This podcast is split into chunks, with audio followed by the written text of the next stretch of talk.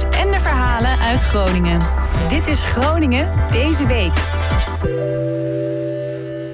Leuk je luistert. Mijn naam is Joeke Boersma en dit is Groningen deze week. Zometeen ben je 10 minuten weer bijgepraat over het belangrijkste nieuws van afgelopen week uit Groningen. Afgelopen week is de kerstpakketten inzamelingsactie van Kerst 050 van start gegaan. Kerst 050 is eh, opgezet om voedselpakketten te doneren aan alle minima-gezinnen in Groningen. Zodat eh, iedereen een fijne kerst eh, kan vieren. Samen met studentenverenigingen, kerken en andere goede doelen proberen ze zoveel mogelijk donaties voor kerstpakketten in te zamelen. Vooral in de coronaperiode hebben veel gezinnen in Groningen onder de armoedegrens het extra zwaar gehad. En het doel is dit jaar om 10.000 kerstpakketten uit te delen. En je hoort nu Evert Zulman van Kerst 050. Ja, de dozen willen we geven aan mensen die uh, de startjespas hebben. Dat betekent dat ze minimum in, inkomen hebben. Uh, en uh, nou, zodat ze met kerst gewoon een hele fijne, fijne tijd kunnen hebben. Maar er zitten ook allerlei andere dingen in, zodat ze ook het komende jaar er nog wat aan hebben. We zoeken mensen die hun tijd willen gaan geven. Want 10.000 kerstpakketten vullen, dat is echt, een, echt heel veel werk. Dus we zoeken mensen die gewoon letterlijk producten in de dozen willen gaan doen.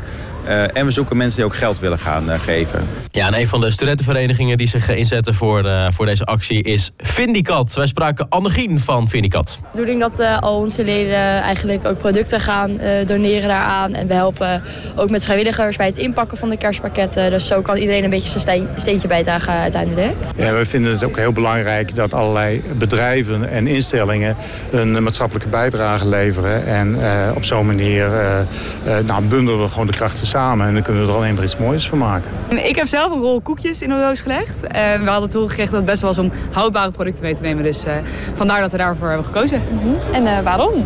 En, nou, omdat we het als vind ik dat zijn heel belangrijk vinden om mee te werken aan de Kerst 50 actie. Waarbij we ook uh, gezinnen die het wat minder breed hebben een fijne kerst kunnen bezorgen. Vorig jaar hebben we 1200 gezinnen blij kunnen maken. Uh, en uh, ja, dit jaar willen we dus naar de 10.000 gaan. Omdat we zeker in deze zware tijden willen we niemand in de kou laten staan. Dat is wel een heel verschil. Dat is een enorm verschil. 10.000. Ja, klopt. Hoe uh, denk je dat zo te bereiken? dat kunnen we alleen maar samen doen. Dus we kunnen die 10.000 pakketten vullen door samen de handen in, in, in één te gaan slaan. dus we ja, zoeken eigenlijk de contacten met de hele stad om die laatste 4.000 dozen te kunnen vullen. En dit gebeurde nog meer afgelopen week in Groningen. Er wordt weer hard gebouwd aan de nieuwe Kattenbrug bij het Schuitendiep. Eerder werd de bouw stilgelegd omdat er bezwaar was ingediend door de bewoner van het Schuitendiep. Omdat de nieuwe brug het stadsaanzicht zou aantasten. Ja, nu, zeven maanden later, wordt de brug toch aangelegd omdat de vergunning nu in orde is. En wij spraken wethouder Roeland van der Schaaf. Er zijn heel veel uh, uitspraken geweest. waren steeds positief. Totdat er op een gegeven moment een uitspraak was van die zei van... nou, de gemeente moet toch uh, huiswerk beter doen. Dat hebben we gedaan. Hebben we opnieuw gevraagd, mogen we de brug bouwen? En toen zei de rechter, het mag. Dus uh, ja, de brug wordt nu gebouwd en daar zijn we ontzettend blij mee. Ja, en deze nieuwe Kattenbrug is een uh, belangrijke schakel bij de herinrichting van de nieuwe Grote Markt. En hierover spraken wij wethouder Philip Broeksma. Nou, de Kattenbrug is een belangrijke schakel in zeg maar, hoe de bussen gaan, uh, gaan rijden. Van het Zuiderdiep naar de Diepenring en vice versa. En uh, dat betekent ook dat de bussen van de Grote Markt af kunnen. En dat betekent dat we met die Grote Markt aan de gang kunnen. Je hebt de plaatjes gezien, hoe de Grote Markt eruit kan gaan zien. Het wachten was uh, op de bussen die dan van de Grote Markt af zouden gaan. Kunnen daar dus nu volop aan de gang. We hebben al heel veel gedaan voor de, voor de brug. He, dus eigenlijk zijn bijna alle voorbereidingen klaar. Dit is de laatste fase. De leggers worden erop gelegd. Spectaculair moment. Dan moet er natuurlijk nog wat afgebouwd worden. Nou, en we verwachten dat in februari de bussen al over de brug uh, heen kunnen rijden. Dan moet er ook nog wat aan de kade gebeuren. Want uh, er komt niet alleen een brug. Er komen ook straks prachtige verlaagde kades waar je heel mooi aan het water kan zitten. Blij dat we nu aan de gang kunnen. Blij dat de laatste fase van het project nu afgerond kan worden. Dat de brug kan gaan liggen. Dat de, dat de bussen over de brug kunnen gaan rijden. Dat is goed voor het openbaar vervoer. Dat is goed voor de ontwikkeling van de, de binnenstad. Dat is goed voor Groningen. Ja, wethouder Isabelle Dix wil op een andere manier gaan kijken naar het bestrijden van armoede. Ze denkt dat door geld te investeren in mensen er op termijn geld bespaard kan worden. Dat vertelde Dix bij een bijeenkomst in de Oosterpoort. Je zou eigenlijk moeten willen nadenken over het uitbannen van armoede als was je een woonwijk aan het bouwen. En verzin dan een nieuwe financiële systematiek daaronder.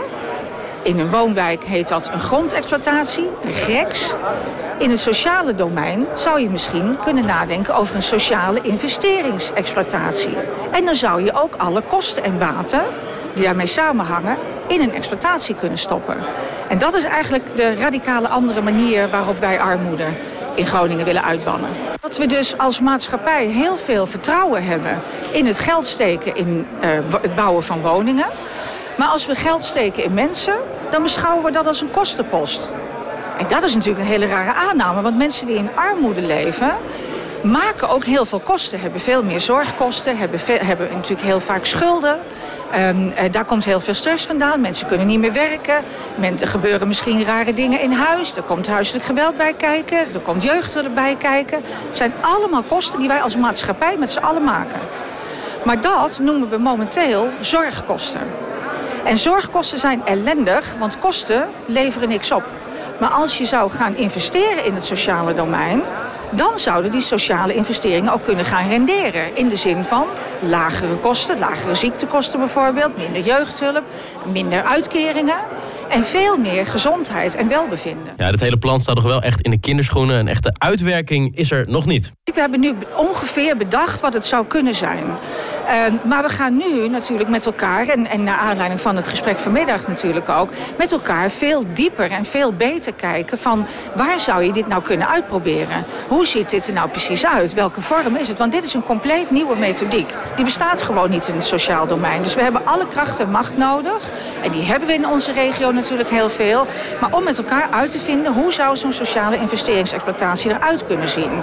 En ja, daar gaan we met elkaar nu over nadenken. Ja, en in februari hoopt uh, Dix de eerste concrete plannen te kunnen presenteren. En tot zover Groningen deze week. Abonneer op deze podcast via je podcast-app. Je kan natuurlijk uh, volgen op Spotify en een recensie achterlaten bij Apple Podcasts. Dankjewel voor het luisteren en uh, tot volgende week.